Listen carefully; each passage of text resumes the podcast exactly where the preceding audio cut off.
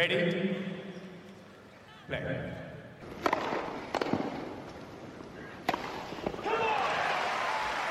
Merhabalar, Raket Servisi hoş geldiniz. Ben Gökalp. Ben Anıl, merhaba. Evet, Avustralya açık başladı. Başlar başlamaz biz dedik ki hemen bir bölüm kaydedelim. Çünkü kura değerlendirme bölümünü Cuma günü kaydetmiştik. Ondan beri e, bir 5-6 tane final oynandı. Onları kaçırmayalım dedik. Veya oynanamadı Gökalp lütfen. Aynen. 5-6 dememin sebebi bir tanesinin oynanamamış olması. Gerçekten oynanamayanlar da var. Ama bir onları konuşacağız bugün.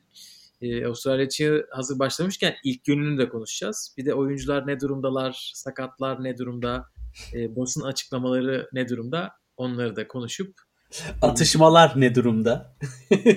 güzel atışmalar var. Böyle lezzetli atışmalar var. Onları da konuşup kapatacağız. Anıl istiyorsan geçen haftanın turnuvalarıyla başlayalım. WTA'de 3 tane turnuva vardı. ATP'de yine 3. Ee, ama ATP'dekilerden bir tanesi ATP Cup'tı. İstiyorsan bir ATP Cup'la başlayalım. Burada e, finalde finale gelmeden önce yarı finalde Rusya Almanya'yı yendi. İtalya İspanya'yı yendi. E, finalde de Rusya İtalya'yı rahat bir şekilde 2-0 set vermeden geçerek şampiyon oldu.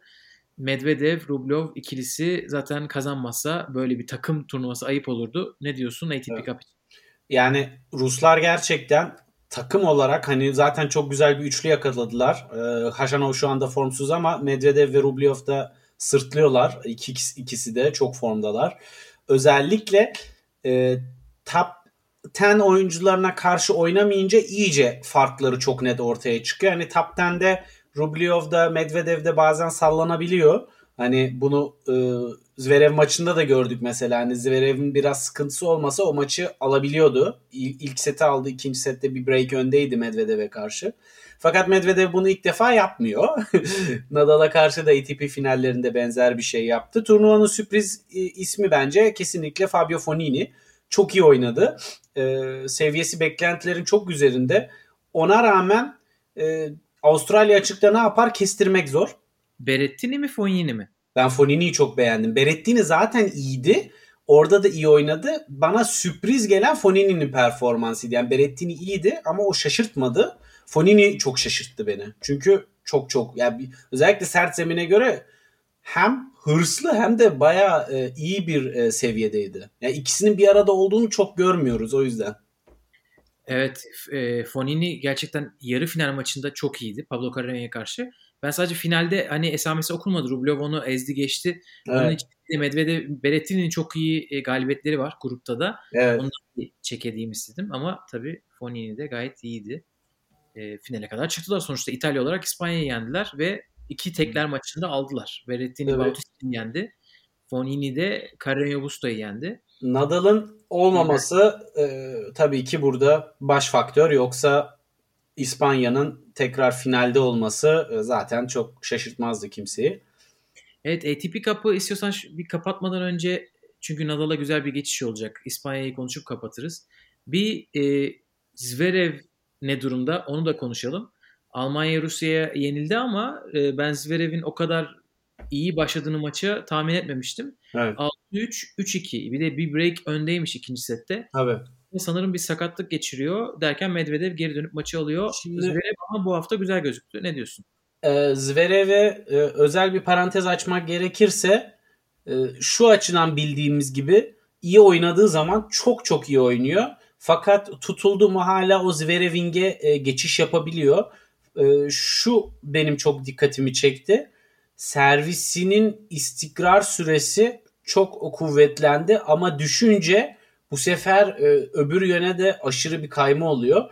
E, yani servisindeki özgüvenle beraber oyun kalitesi de çok yukarıya çıkıyor. Hani e, 1.98 boyunda birinin e, özellikle Medvedev maçındaki rallileri yine çok e, keyifliydi. Gerçekten üst düzey.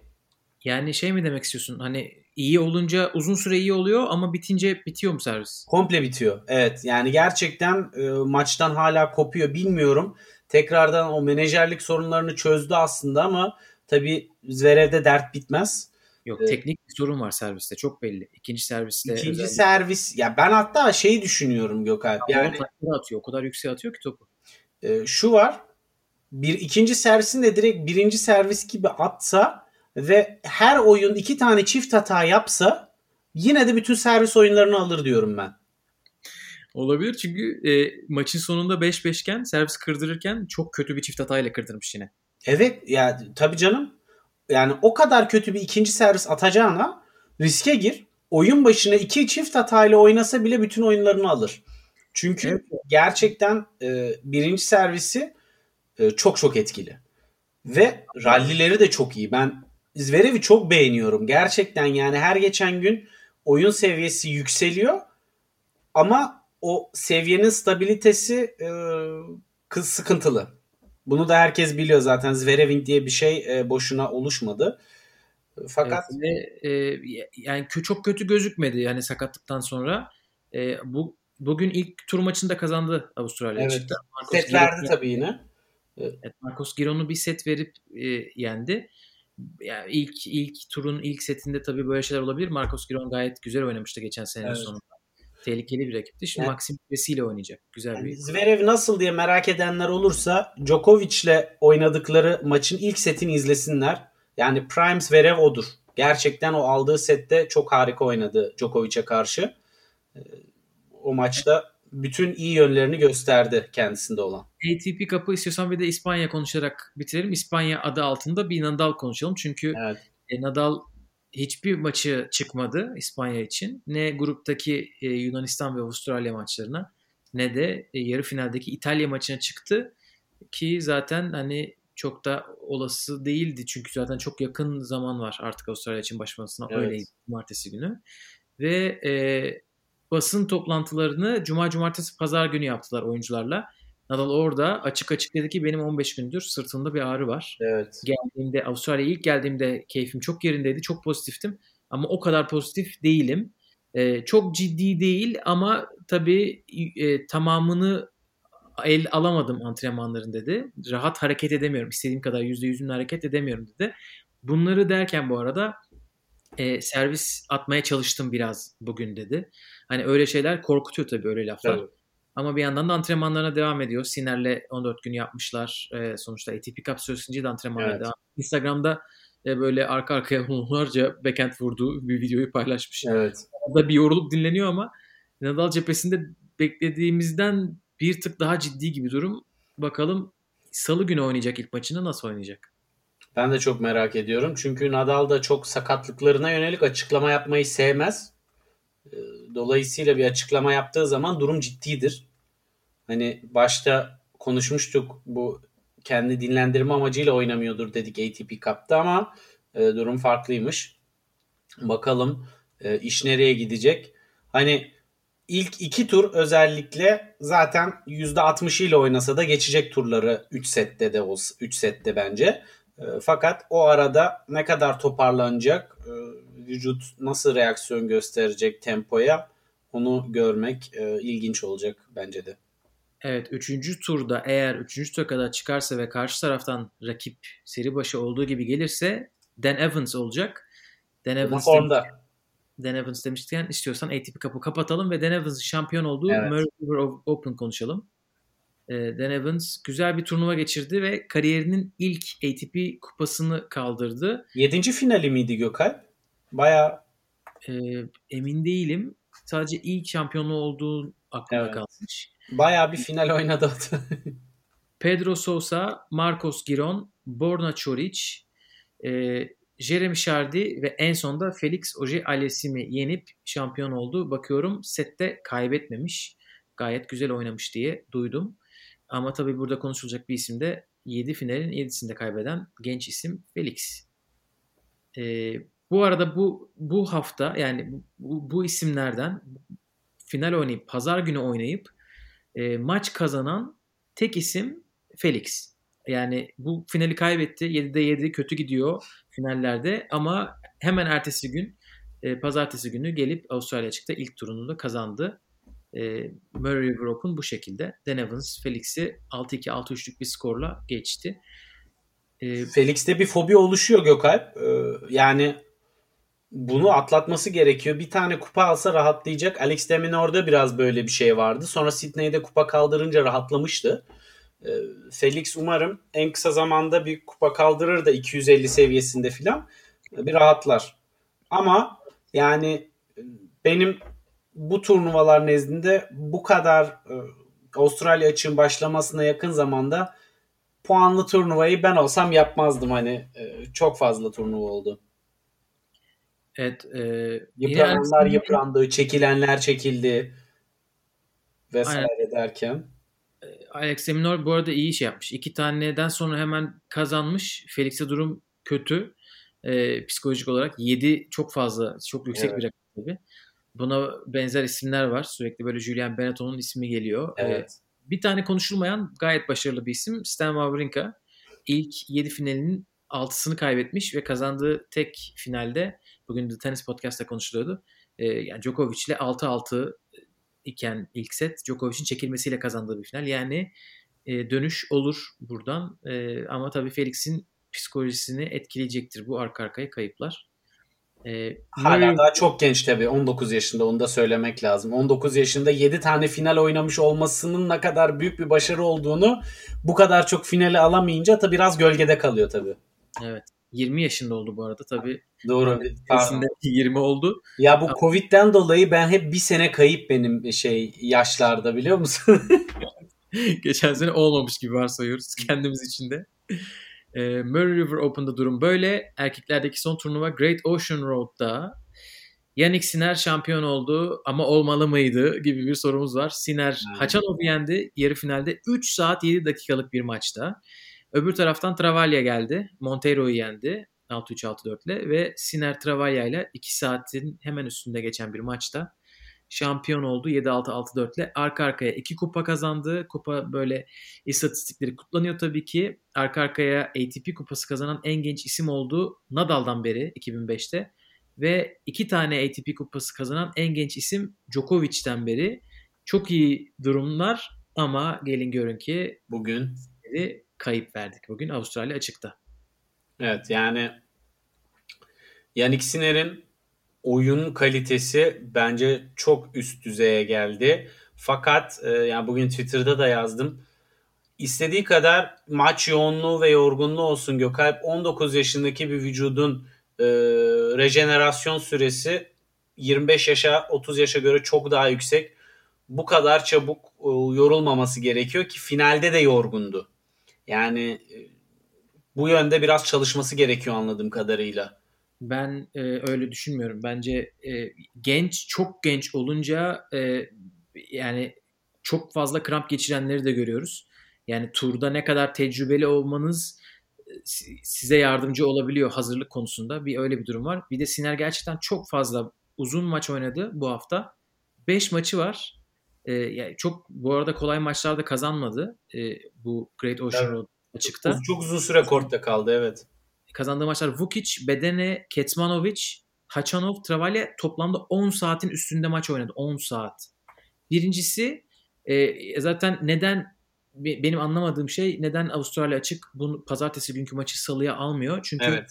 kadınlarda pazar günü maç yapanlar eğer o taraftalarsa Kur'an'ın yani bugün oynanacak tarafındalarsa bir gün ekstra izin aldılar. Bu isimlerin arasında Garbiñe Muguruza, Anne Lee e, var mesela. Onların maçları oynanmadı. E, ama Yannick Sinner, Travaglia, Felix bugün maç oynadılar. Bence çok anlamsız. Bence bir de. de bir de yani Haçanov'la 3 saat 7 dakikalık bir maç yapıyorsa yanında Ricardo Piatti gibi çok tecrübeli bir antrenör var. Neden final maçına çıkartılıyor Sinner? Ben onu da anlamadım. Çıkmayın bitsin. Bir sürü insan çıkmadı. Osaka gibi çok gençler de çıkmadılar. 23 yaşındaki Osaka. Ki bunu geçen sene de yapmıştı Avustralya Amerika'dan önce. Ben ona anlam veremedim. E, bugün biraz bu, bu arada çok güzel bir maçtı. Şapo evet. maçını da konuşalım bence ta yeri gelmişken. E, biraz daha da kaliteli olabilirdi eğer Siner bacakları tükenmeseydi gibi düşünüyorum. Yani maça geçecek olursak böyle e, arada Siner bu se bu yorgunlukta olmasaydı bence bu maçı bu kadar konuşmayacaktık. Çünkü e, Siner ilk sette silindir gibi e, gelmişti. Sonra şarjı azalınca Şapo'ya da bir özgüven geldi. Şu açıdan e, ilk sette de e, çok dominanttı Siner. Fakat sonra biraz tabi vuruşların derinliği azalınca biraz daha zaman kazanınca Şapo çok daha dominant ve agresif oynayabilmeye başladı. Ve öyle iki seti üst üste aldı. Ee, ama sonra tabii Siner'in dördüncü sette nereden çıktığını anlamadığımız enerjisiyle maça geri gelince tekrardan bir e, heyecan seviyesi muazzam bir seviyeye geldi. Ben son sette de acaba 5-4'ten geri dönebilecek mi diye bir an ümitlendim. Çünkü Şapo'nun serviste özellikle Deuce tarafına atarken çok zorlandı. Ee, onun da bir acaba e, hani alttan servis attı insanlar acaba kızdırmak için mi yapıyor dedi. Biraz bence omuzunda da e, yorgunluk olduğu için öyle araya biraz da e, Siner'in dengesini de bozmak için tabii ki öyle bir şey yaptı. Fakat e, ittir kaktır e, tam tabiriyle o son oyunu aldı ve maçı kazandı. Ama kesinlikle birinci tur için alev alan çok iyi bir seviyede bir maç izledik. E, güzel de bir eşleşme bence karşılıklı yani oyun stilleri açısından. Evet ya Deniz Şapovalov bence çok olgun bir tenis oynadı. Çünkü yani Siner'in zaten bu kadar tehlikeli olacağı belli. Ee, omuz rahatsızlığından benim izlediğim yayındaki yorumcular da bahsediyorlardı Şapon, Şapon'un. Ee, hani onda da biraz hafif acaba bir vücutta bir dökülme olacak mı diye düşünmeye başladım. Ki o hani bir önceki gün oynamamıştı Siner gibi. Şapo en son maçını 3 Şubat'ta yaptı. Aslında güzel böyle arada. 5 Daha ne olsun? E, çünkü ilk maçlarını yaptılar yani evet. ATP Cup'ın ve hemen elendiler. E, çünkü iki ülkeye değinildiler Sırplara, Almanlara. Öyle olunca Şapo iki tane güzel maçını oynadı ve kenara çekildi. E, iyi bir hazırlık ama tabii bu hazırlık süreci öyle bir karışıktı ki e, herkes de tabii böyle değişik şeyler, sakatlıklar, yan etkiler barındırabilecek. Bakalım ne yapacak e, Şapo. E, onun kurası zor bir kura. Çünkü Siner geçti. Sırada Bernard Tomic var. E, Bernard Tomic rakibinin çekilmesiyle ikinci tura çıktı. Onu geçerse de büyük ihtimalle Felix ile oynayacaklar. Üçüncü turda gerçekten fokurdayan bir kura çekmiş Şapo. Ya oradan bir Kanadalı çıkacaktır bence çeyrek finale. Güzel Bunların bir... Dördüncü tura çıkacak. E, dördüncü turda Schwartzman'la oynama ihtimali Evet yok. işte ha ben de diyorum Peke, Peke'ye karşı e, Peke gelirse oradan ikisi de Peke'yi yenecek e, oyunda bence. Yani o yüzden oradan o çeyrekten bir Kanadalı çıkar diyorum. Tamamdır. Ben Schwartzman olduğunu da söyleyeyim de dinleyiciler şimdi bilmiyorlarsa bu tahminde Schwartzman'ın da elendiği ortaya çıksın. Ee, istiyorsan kadınlara geçelim. Erkeklerde durum evet. böyleydi. Kadınlarda 3 tane turnuva oynandı. Ee, bir tanesinin finali oynanamadı. Ee, Gippsland ile başlayacak olursak Gippsland turnuvasında Elize Mertens e, finale Osaka'nın maça çıkmasıyla otomatikman çıktı. Öbür taraftan da Aleksandrova'yı yenen Kanepi geldi ve Mertens finalde Kanepi'yi 6-4 6-1'lik skorla geçti. Onun zor maçı zaten çeyrekte Svitolina ile yaptığı maçtı. E, match tiebreak'te onu 6 ile geçmişti. E, ama or- oradan sonra Mertens zaten yarıyı da oynamadıktan sonra güzel bir skorla şampiyon oldu. E, bunu herhalde böyle özetleyebiliriz. Yara Valley Classic'te asıl güzel maç vardı. Ash evet. Barty ile Muguruza final oynadılar. Çok iyi maçtı. Barty Serena'nın çekilmesiyle otomatikman finale çıktı. Muguruza inanılmaz bir hafta geçirmişti. Sadece 5 maçta mı? Yok 4 maçta yaklaşık bir 10 oyun kaybetti. Ee, evet 4, 6, 7, 9 sadece 10 oyun kaybederek finale gelmiş. Ee, ve orada Barty Muguruza maçı gerçekten güzel maç oldu. Şey yapabildin mi? izleyebildin mi? E, finalin özetini izledim ben sadece. Fakat genel yorum yapmak tenis yani bir maçı özet üzerinden yorumlamak istemiyorum. Çünkü teniste hakikaten özet izlemek çok da e, bence maçı anlatamıyor. Ama e, yani şunu söylemek lazım. E, Eşbarti'de Garbin Muguruza'da yani rallilerde hiç korkmuyorlar ve ikisinin de oyunları baya sert yani. Özellikle hızlı zeminde ikisi de Avustralya açıkta e, ciddi adaylar yani. Evet ve Barty ben ya bana bilmiyorum bana hala şaşırtıcı geliyor. Aylar boyunca oynamadıktan sonra çıkıp bir WTA 500 turnuvası kazanmak hadi tamam 500 demeyelim çünkü Serena ile oynamadığı yarı finalde işte Shelby Rogers, Buzkova ki Buzkova güzel bir maçtı. Bogdan maçları var.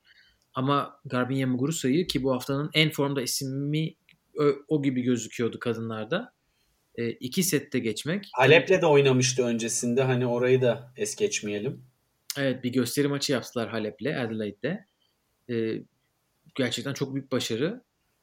E, hak etti valla o e, üstünde Wombat hayvanı olan kupasını.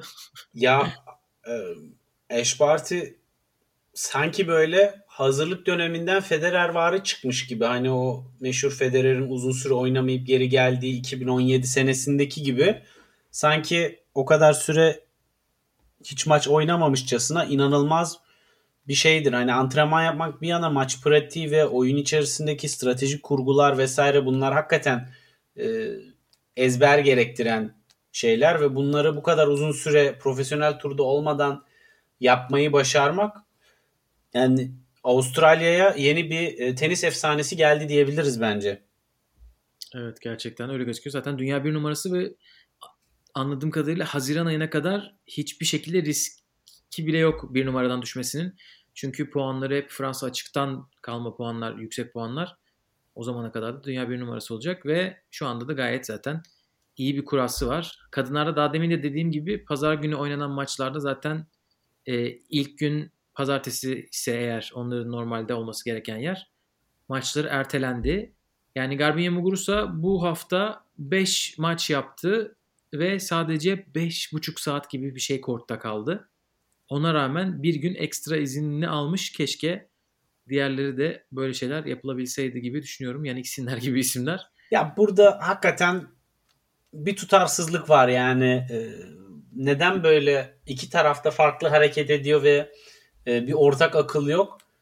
Oyuncuları koruyacak ve turnuvanın seyir zevkini koruyacak. Sonuçta programda hiçbir şeyden yok. 3 set 5 set olayı farkından anladığım kadarıyla. Hani erkeklerin programını sekteye uğratırsak e, elimize yüzümüze bulaştırabiliriz 5 setten dolayı diyorlar anladığım kadarıyla ama ya çok kort var Gökalp. Yani e, gündüz ilk maça koyarsın ve idare edersin durumu. Zaten mesela bugün de hani sey, günlük seyirci kapasitesi 25-30 bin arasındaydı. Bugün 17 bin kişi gelmiş. Hani orada da çok bir e, aman işte büyük kortlarda illaki bütün maçlar oynasın her yer seyirci tıklım tıklım para kazanalımdan ziyade biraz daha genişletebilirsin programı. Ama işte yani Evet e, yani son dakika ve çok fazla şeyle uğraştılar tabii. E, o bir tane Covid case'inin Covid pozitif vakasının çıkmasıyla Perşembe günü maçlar oynanmadı. Yani bu e, Grand Prix turnuvası bu en son konuşacağımız turnuvanın finalinin oynanmaması dışında bütün maçlar bitti. Evet. Burada Tenis Avustralya'ya çok büyük pozitif olarak yazar bence.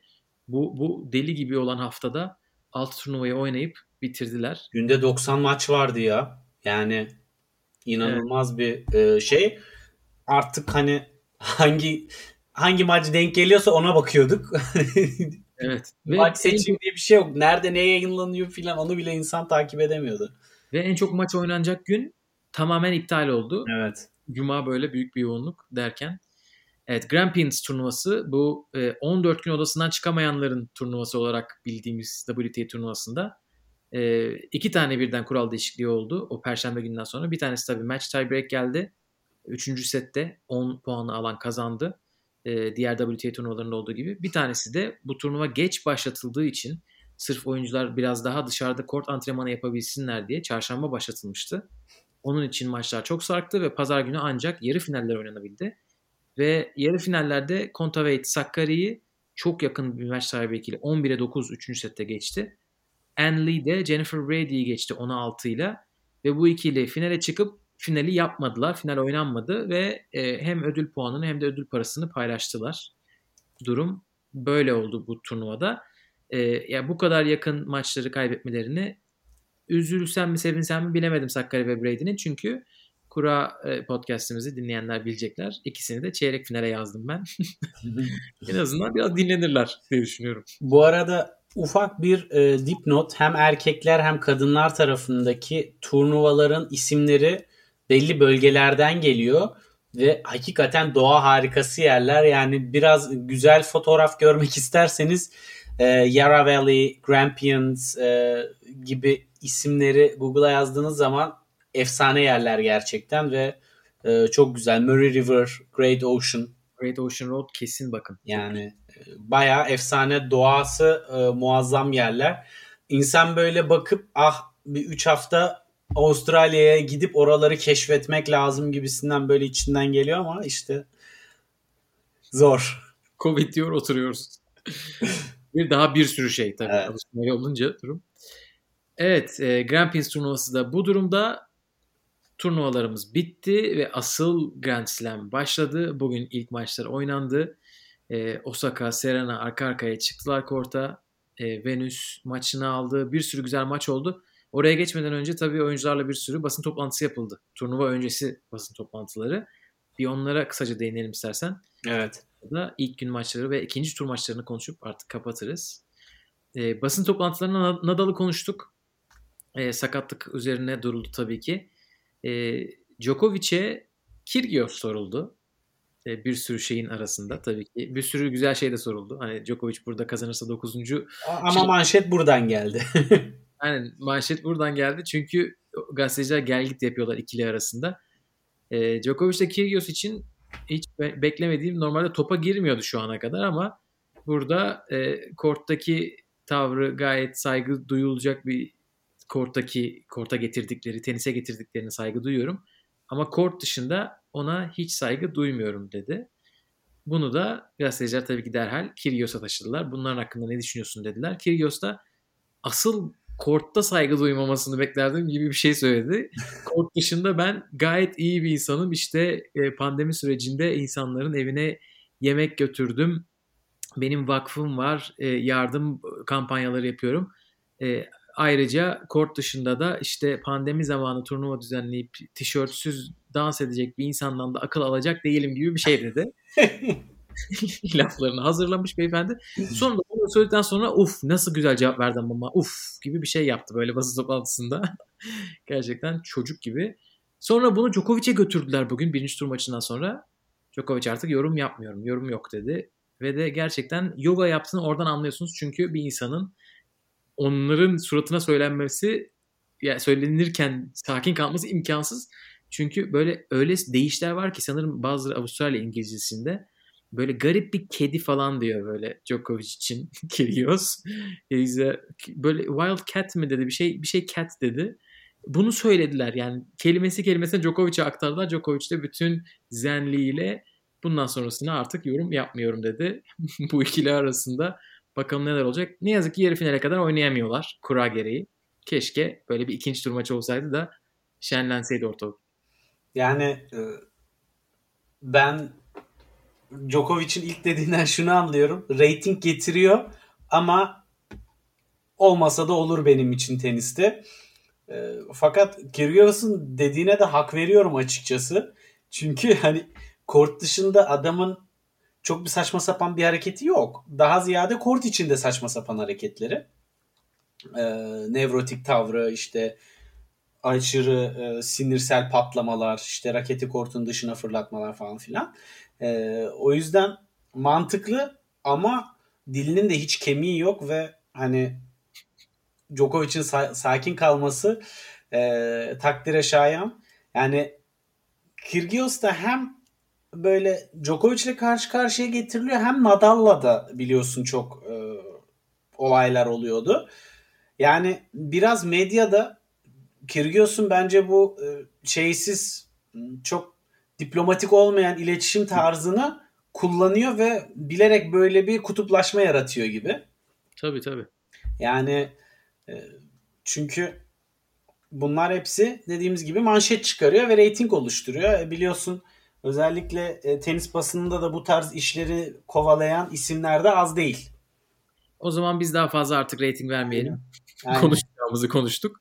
Kadınlar tarafında Serena ve Halep'in e, basın toplantılarından kısaca konuşmak gerekirse Halep iyiymiş arkadaşlar. Sakatlığından dolayı e, çok kötü bir mağlubiyet aldı diye hani konuşmuştuk Aleksandrova'ya karşı. Evet. Ama ben belimi üşüttüm gibi bir şey söyledi. E, klimadan dolayı çok soğukmuş ortam. Fransa'da da aynı şey olmuştu. E, onun için bir sıkıntı olacağını düşünmüyorum dedi ve zaten bugün de ilk maçını aldı yanlış hatırlamıyorsam. Ee, ilk maçını aldı. Ee, Çok da iyi bir oyun oynadı. Evet, Benim tek dikkatimi çeken şuydu. Ee, Servisi biraz sallantılıydı. Fakat yani sonuç itibariyle turnuvanın ilk maçı olması, sırtında biraz işte öncesinde tutulma olması vesaire bu bence çok normal ritim bulması açısından. Yani gayet iyi hareket eden, iyi güç üreten ve vuruş istikrarı yüksek e, bir görüntü çizdi. Zaten çok taktik strateji değiştirmesi gereken işin o e, stratejik tarafını değerlendirebileceğimiz bir maç oynamadı. Gayet e, aldı yürüdü. Evet Avustralya'dan Ayla Tomljanovic ile oynayacak ikinci turda. İlk turda bir Avustralya'da rakibi vardı. Zaten bunu kortta da konuştu. Ee, bir de Sabaha kadar çiftler- Avustralyalı. Bir de çiftlerde de e, 16 yaşındaki Avustralyalı Charlotte Campenaers Poch. Çok mükemmel bir soy isim. O isimle oynayacakmış. Ve tabii ki bunu da Avustralyalı koçu Darren Cahill ayarlamış. Böyle bir ortamda kendisi şu anda. E, Halep'te durum böyle. Serena'da benim bir sıkıntım yok merak etmeyin dedi. Basın toplantısında e, bol bol Tom Brady'den falan bahsettiler. Gayet rahat bir basın toplantısıydı.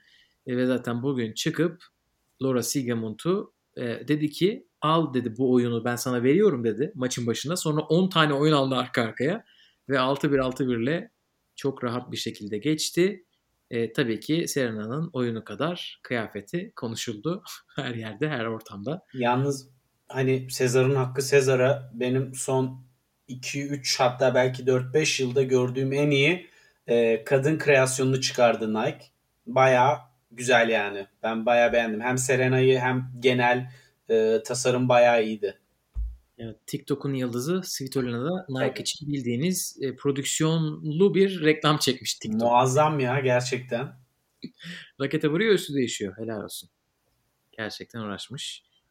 Ee, basın toplantıları bu kadar. İstiyorsan bir ilk günden izlenimleri konuşabiliriz. Sonra da ikinci tur yapalım.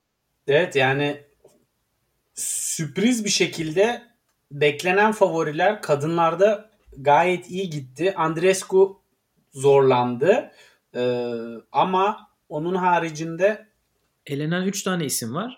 Angelique Kerber, Alison Risk ve Wang Chang. evet zaten ilk bence bir Alison Risk'in elenmesini konuşalım. Çünkü Potapova oradan büyük sürpriz yaptı bence. Çünkü çok net bir galibiyet. Yani 6-2 6-1'lik bir galibiyet. Yani Potapova yükselişte olan bir isim.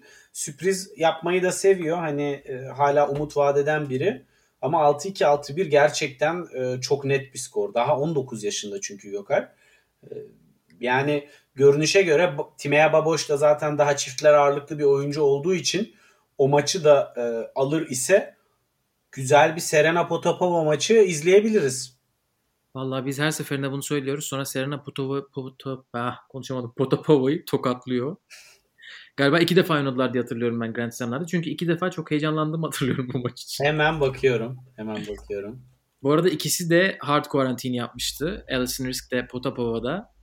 Ee, Kerber de öyle. Elenen bir başka isimdi. O 14 gün odadan çıkamayanlardan. Onun listesini tutacağız arkadaşlar. Hiç merak etmeyin. Bu isimler nasıl haksızlığa uğradılar. Onları göreceğiz ama Kerber'inki biraz daha farklı da bir durum gibi gözüktü. Çünkü ikinci sette iyi oynamasına rağmen Bernardo Pera yukarılardan gelen bir ilhamla 6-0 6-4'lük bir maçla e, Kerber'i eledi. Evet, O da- tam bir yıl önce Gökalp birinci turda karşılaşmışlar ve Serena 6-0 6-3 yenmiş. Başka e, karşılaşmaları olmamış. İşte e, tamam o zaman. O bir yıl öncekini ben kafamda çok büyütmüşüm. evet Bernardo Pera da Zarina Diaz'la oynayacak ikinci turda ve Muguruza'ya doğru gidebilir o yol. Ben açıkçası ilgili var mı eklemek istediğin? ya şu hani hakikaten Kerber ilk defa fiziksel olarak iyi göründüğü bir turnuvada e, elendi. Hani öncesinde belli oluyordu bu turnuva Kerber'den bir şey beklememek lazım diye. Ben esasında memnundum oyun seviyesinden hani çok bir e, yarı final final görmese de. kadar erken yenilmesi bu turnuva özelinde beni şaşırttı. İşte dediğim gibi hani o 14 gün olayını herhalde bir kafamızın bir kenarına tutmak lazım. Evet. Çünkü o oyuncuları çok etkileyen bir şey. Kesinlikle. Onun dışında seri başlarında kadınlarda Sabalenka, Świątek, Serena, Halep, Osaka maçlarını çok rahat kazandılar. Ee, çok net kazandılar gerçekten. Yani orada bir makas açıklığı vardı ilk turda. Evet. Kvitova biraz daha yakın bir maç kazandı 6-3 6-4 ile. E, Vondrousova ve Andreescu onlara e, nazaran nazaran çok daha uzun maçlar oynadılar. Çok daha yakın maçlar sonucunda ikinci tura çıktılar. Ve ikisini de e, tehlikeli rakipler bekliyor. Andreescu'yu Suvey şey bekliyor. E, ki şey Pironkova'yı geçti. Vondrousova'yı da Rebecca Marino bekliyor. Rebecca Marino'nun çok ilginç bir hikayesi var. E, mental problemlerden dolayı e, tenisi bırakmıştı. 2013 yılı olması lazım bırakmasının.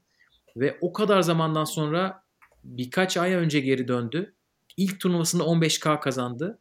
Ve şimdi burada Avustralya açığı elemelerinden geçti. Ve ilk turda böyle ilk seti 6-0'lık bir skorla geçti. Ee, gerçekten çok ilham verici bir hikaye. Ee, bu arada 2000 tabi 18'de geri dönmüş. Döneli olmuş hani şu anda ilk ilk şey, senesi değil. Ama yine de bir Grand Slam maçı ilk defa kazandı çok uzun senelerden sonra. Yani bence de çok etkileyici bir hikaye. 5 ee, seneye yakın bir süre tenisten uzak kalmak ve ondan sonra tekrar dönmeye karar vermek e, gayet güzel. Ama yani e, burada bugüne kadar kariyerinde de 3. tur gördü sadece. Buradan ilerlerse baya güzel bir hikaye dinleyebiliriz. Evet o artık şey olur. Ee, çok böyle ilhamla gelen bir gaz olabilir. Ee, ama ana tabloda en son 2013 yılında bir tur maç kazanmış Avustralya açıkta. 8 sene sonra ilk maçını kazandı o da bugün. Erkeklere geçelim istersen. Ee, Erkeklerde erkeklere geçelim evet. E, ekleyeceğim bir şey yoksa bir Djokovic e, master klası izledik. Gerçekten yani olmazdı. Tek tişört e, ve tek raketle maça çıkıp e, şey yapabilirdi hiç israfa girmeden. Ne terledi ne e, raket yıprandı yani. O kadar tertemiz aktı gitti e, ve ben buradayım dedi. Burası benim mekanım dedi. Çok da dosta güven düşmana korku veren bir oyun oynadı bence. Bilmiyorum sen nasıl yorumluyorsun? Evet evet mükemmeldi. Zaten o kadar rahattı ki artık e, ileri gelip servis voleyler falan denemeye başladı bir yerden sonra. Zaten o oyuncuların kafasının ne kadar e, bulanık olmadığını gösteren şeyler bunlar. E, servisi mükemmeldi. Sanırım seks, ilk serviste %86, ikinci serviste %79'la kazandı. E, return zaten çok iyidir. E, bu arada akşam maçı olduğu için Jeremy Chardin'in belki e, hani servislerinde bir tık etki azalmıştır ama Charlie de bu arada çok iyi oynamadı. Evet. Karşıda ama bayağı çok... yorgun göründü bir de Gökalp. Yani kondisyonu da pek iyi gelmedi açıkçası Şardi'nin. Ya bence Djokovic olunca karşıda Şardi'de öyle bir fobi de olabilir. Çünkü 14. maçlarında yine set alamadı. 14'te 14. 33 sete karşı 0 set. Yani Şardi yerine ben oynasam Djokovic'le skor değişmeyecek Gökalp.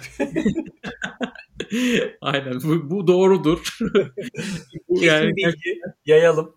kesin bilgi. Ee, erkeklerde sadece iki isim varmış tarihte. Başka bir rakibe karşı en az 10 maç kaybedip set alamayan. E, Jeremy Shard bu isimlerden birisi. Gerçekten ol, olunmak istenmeyecek bir liste.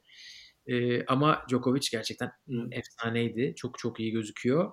E, ve onu kort sonu röportajları bile durduramadı hadsiz bir sonucu çıkıp Djokovic'e e, maçla ilgili bir soru sorduktan sonra evet kara, iki haftalık karantinada da e, frustrated nasıl söylemek lazım Türkçe'de e, böyle çok karamsarlığa düşmüş. Ya böyle rahatsızlığını belli ettin gibi bir şey söyledi.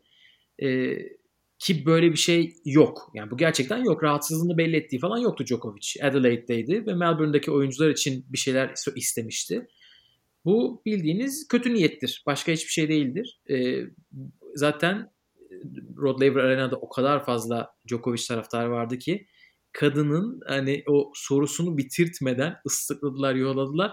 Djokovic onları sakinleştirip bir dakika bir dakika ne demek istiyorsunuz siz hani rahatsızlığımı belli etmek derken dedi ve oradan e, bir sonraki turdaki rakibine geçildi soru olarak ama gerçekten bu bir fiyaskodur ya. Yani bir basın da değil çünkü bu turnuvanın sözcüsü bir röportajdı. Ya bana soracak olursan maç sonunda bu kadar hazırlıksız bir şekilde yani bu sorulacak soruların bir e, yapı bir soru havuzu olması lazımdır yani. Sonuçta Djokovic'e neler soracaksın maç sonunda kafana göre saçma sapan şeyler sormaması gerekiyor. Bence Djokovic gayet soğukkanlı ve e, aklı başında ve net davranarak çok profesyonel kaldı. Aynen bence de öyle. Ee, başka maçlara geçecek olursak Ondan Dominik... önce burada da şeyi söylemek lazım. Halep'in Avustralyalılarla benzer bir durumu Joko'nun burada Amerikalılarla var. Hani bir sonraki turda eski seviyesini o patlama yaptığı döneme çıkmaya çalışan TFO var. İlk maçını bilmiyorum ben izleyemedim Gökalp. Sen bakabildin mi seviyesi nasıl? 3-0 gibi net bir skorla Bak, geçmiş Travalya'ya. Daha dün maç yapmıştı Siner'le. Onun için hani Travalya'yı biraz şey yaptım. Ee, yani onu o sayılmaz suçu... diyorsun anladım. Evet. İlk set yakın geçmiş sonra kopmuş zaten. Muhtemelen o da Siner gibi fiziksel sıkıntılar çekmiş olabilir. Sonra Opelka ve Taylor Fritz'den biriyle e, karşılaşacak eğer geçerse ki ikisi de hızlı e, kortları seven isimler. E, bakalım onların seviyesi nasıl olacak. Güzel maçlar olabilir. Özellikle iyi servise karşı iyi return her zaman benim izlemeyi sevdiğim maçlar oluyor. Bu arada e, kortlar hızlı diyoruz ve hani bu servisçiler için faydalı olacak diyoruz ama e, akşam maçlarının çok değişik olduğu söylendi bugün oyuncular tarafından. Özellikle özellikle Kyrgios söyledi bunu. E, o çünkü son maçı oynadı sanırım ya da son maçtan bir önceki maçı oynadı e, John Cain Arena'da ve içerisi buz gibiydi ve kort acayip yavaştı dedi. Onun için gündüz maçıyla akşam maçının arasında büyük ihtimalle çok büyük bir fark olabilir. Onu da bir hani kafada bulundurmak lazım. Hakikaten zemini bu kadar farklı olan her maçta ve her saatte başka bir spor daha yoktur herhalde. Evet, evet hava koşulları direkt etkiliyor. Yani kortun etrafında seyirci tribün alanı olup gölge yapmasıyla dışarıdaki açık kortlarda oynamak arasında bile inanılmaz farklar oluyor. O yüzden de oyuncular bir tur merkez kortta oynayıp bir tur dış kortlarda oynayınca bile kortun hızına uyum sağlamakta zorlanabiliyorlar. Burada da gece ve gündüz e, geceden gündüze geçmek veya gündüzden geceye geçmek de oyuncular üzerinde bayağı bir e, farklılık yaratacaktır bence. Aynen öyle. Hemen bir diğer seri başlarına bakalım. Zaten Şapo Siner maçını konuştuk. Onun için oraya evet. geri dönmüyorum ama e, Dominic Team çok böyle aşırı rahat olmayan bir e, maç kazandı. İlk seti 7-6 ama sonra çözülen bir maç. Kukushkin'e karşı. İkinci turda Dominik Köpfer'le oynayacak. E, Schwartzman yine bir set kaybetti Elias Imer'e karşı ama kazanmayı bildi. Onun kurasını zaten iyi olduğunu konuşmuştuk. Alexander Müller'le oynayacak ikinci turda. Bu isimler dışında çok güzel 5 setlik maçlar oldu gece. E, bir tanesi e, Mute Milman maçı. Evet. Mute 2-1 geriden gelip kazandı ve gerçekten çok iyi bir eşleşme. Ee, bir tanesi acayip iyi geri, geriden sürekli çok her şeyi top spin çok iyi karşılıyor. Bir tanesi çok böyle varyasyonlu. Ee, bir bu maç vardı. Bir 5 setlik maçta Monfils Rusuvori Monfils ne yazık ki kaybetmeye devam ediyor. Monfils e, yani bence yani bu Felix'in durumundan daha zor bir durum. Çünkü Final kaybetmek başka, hiç maç kazanamamak başka. Yani e, puanların dondurulması çıktıktan sonra Monfils'in düşeceği sıralamayı şu an e, hesaplamak zor. Çünkü epey süredir maç kazanamıyor. Bir anda çok çok gerilere düşecek. E, Emil Rusuvori'den hani biz bir sürpriz bekliyorduk ama e, Monfils'in basın toplantısında da ağlamasını ve o duygusal anlarını görünce bayağı üzüldüm Gökalp ne yalan söyleyeyim.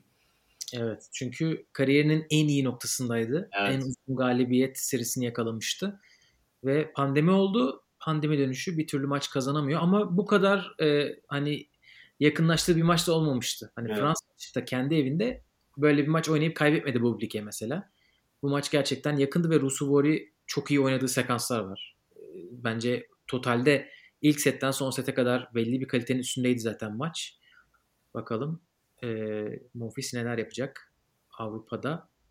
E, burada neler olacak tabii bir bakalım. E, Wawrinka bir de maç kazanan, 3 sette maç kazanan rahat bir şekilde Temiz kazanan. kazandı. Orada zaten Djokovic'in tarafında e, çok güzel ikinci tur maçları bizi bekliyor. Hakikaten 4 maçta birbirinden güzel Gökay. Hem Wawrinka Fucovic. Fucovic çok atletik bir oyuncu. E, Wawrinka ile çok güzel keyifli bir eşleşme olabilir. E, ama perf bayağı zorlanarak almış maçını. Seviyesini çok e, net bilemiyorum şu anda o yüzden. Fritz Opelka da güzel olacaktır. Ama Corentin Mute ve e, servisi çok çok formda bir Raonic. E, orası bayağı orada alev alan bir maç olacaktır orada. E, 4 maçta birbirinden güzel olacaktır. Tabii ki Djokovic TFO maçı çok uzun sürmez gibime geliyor. O da ayrı bir konu. Aynen öyle. E, iki tane ekleyeceğim isim e, bir tanesi Kyrgios Hugo Amber maçı oynanacak ikinci turda ve Kyrgios hiç öyle e, hazırlık turnuvasındaki gibi sakatlık emareleri göstermedi gibi gördüm ben maçta. E, rakibi bu 14 gün ekibinden birisiydi. Federico Ferreira. Onun için ne kadar şey yapmak lazım bilmiyorum ama zaten Kyrgios kendisi içinde ortalamaydı bugün seviyem demiş e, kort içi röportajında. E, ama iyi oynarsa Hugo Amber maçı gerçekten çok Tabii. eğlenceli olur. Bir de Grigor Dimitrov, Marin Çiliç'i 3 sette geçti. Hiç öyle çok maçı geçti. E, ben basın toplantısından anladığım kadarıyla hani böyle sürekli şey deyip durdu. E, kendimle ilgilenmeye çalıştım. Kort'un sadece kendi tarafından. Çiliç'te acaba bir sakatlık mı vardı? Onu bilmiyorum. Sanki öyle bir izlenim aldım Dimitrov'un basın toplantısından ama Yani Çiliç Daha- ilk iki sette yani ne yapsa hiçbir şey tutturamadı. Hem şans ondan yana değildi hem de e, basit hata sayısı çok fazlaydı. İkisi bir araya gelince çok hızlı kırdırdı servislerini.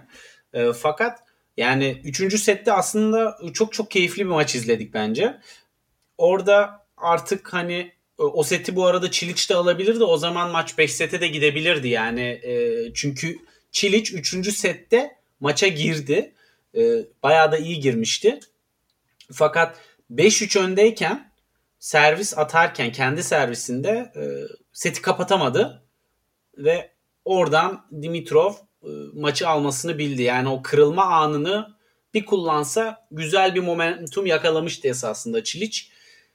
Ama e, Dimitrov da hiç fena hareket etmiyor kortta. Fakat şunu söyleyeyim. E, rally seviyesini ben yine de iyi bulmadım. Yani e, Carreño Busta ile oynarlarsa çekişmeli bir maç olacaktır tabii ki ama e, öyle teamle karşılaşırsa neler olur vay diyebileceğimiz bir seviye kesinlikle yok şu anda. Evet yani ondan da hiç beklemediğimiz anda böyle çok güzel şeyler yapabiliyor. Ve Avustralya'da iyi şeyleri de var, sonuçları da var. Nadal'la o efsane yarı finalleri 2017'de. Evet. E, Kyrgios'la o dördüncü turları. E, ertesi sene. Çok güzel maçları var gerçekten. Bakalım neler yapacak. Benim ekleyeceğim bir şey yok galiba erkeklerde ikinci tur maçlarına dair. Senin var mı? Ee, yok yani şu anda bakınca hakikaten Monfils'in de elenmesiyle en kebap kura Zverev'de buradan çeyrek finale e, çıkması şart. Yani hani orada epey yolu açıldı gibi. Hani e, Keçmanovic daha çok genç. Mannarino da e, hani oradan biri çıkarsa çok bir tehdit olmaz diye tahmin ediyorum. Dutselajovic de e, çok zor aldı ilk tur maçını. Rusuvori oraya gelse bile çok yorgun gelecektir. Çünkü çok çekişmeli maçlar sonunda gelir diye tahmin ediyorum. Buradan bir sürpriz yaptırmamalı Zverev. Çeyrek finalde Djokovic'le oynarlarsa merak ediyorum nasıl servis atacak. Evet o zaman e, burayı böyle kapatalım. Şimdi salı günü artık tabii hiç görmediğimiz isimler korta çıkacak. Rublev, işte Medvedev, Tsitsipas, Berrettini ve en önemlisi tabii ki Nadal. Nasıl oynayacak merak ediyoruz. Kadınlarda da aynen e, Barty'nin tarafı yarın korta çıkacak ve işler karışacak efendim. E, diyelim. Bizden bu kadar. Aynen bizden bu kadar. Bu hafta quiz'e hazırlanın efendim. Cumartesi günü Avustralya Açık konseptli ilk quizimizle karşınızdayız. O zamana kadar e, şimdilik görüşmek üzere diyelim. Şimdi yatalım maçlara uykumuzu alıp uyanık halde e, girelim hemen kayıttan sonra. Bir sonraki bölümde görüşmek üzere. Hoşçakalın. Görüşmek üzere.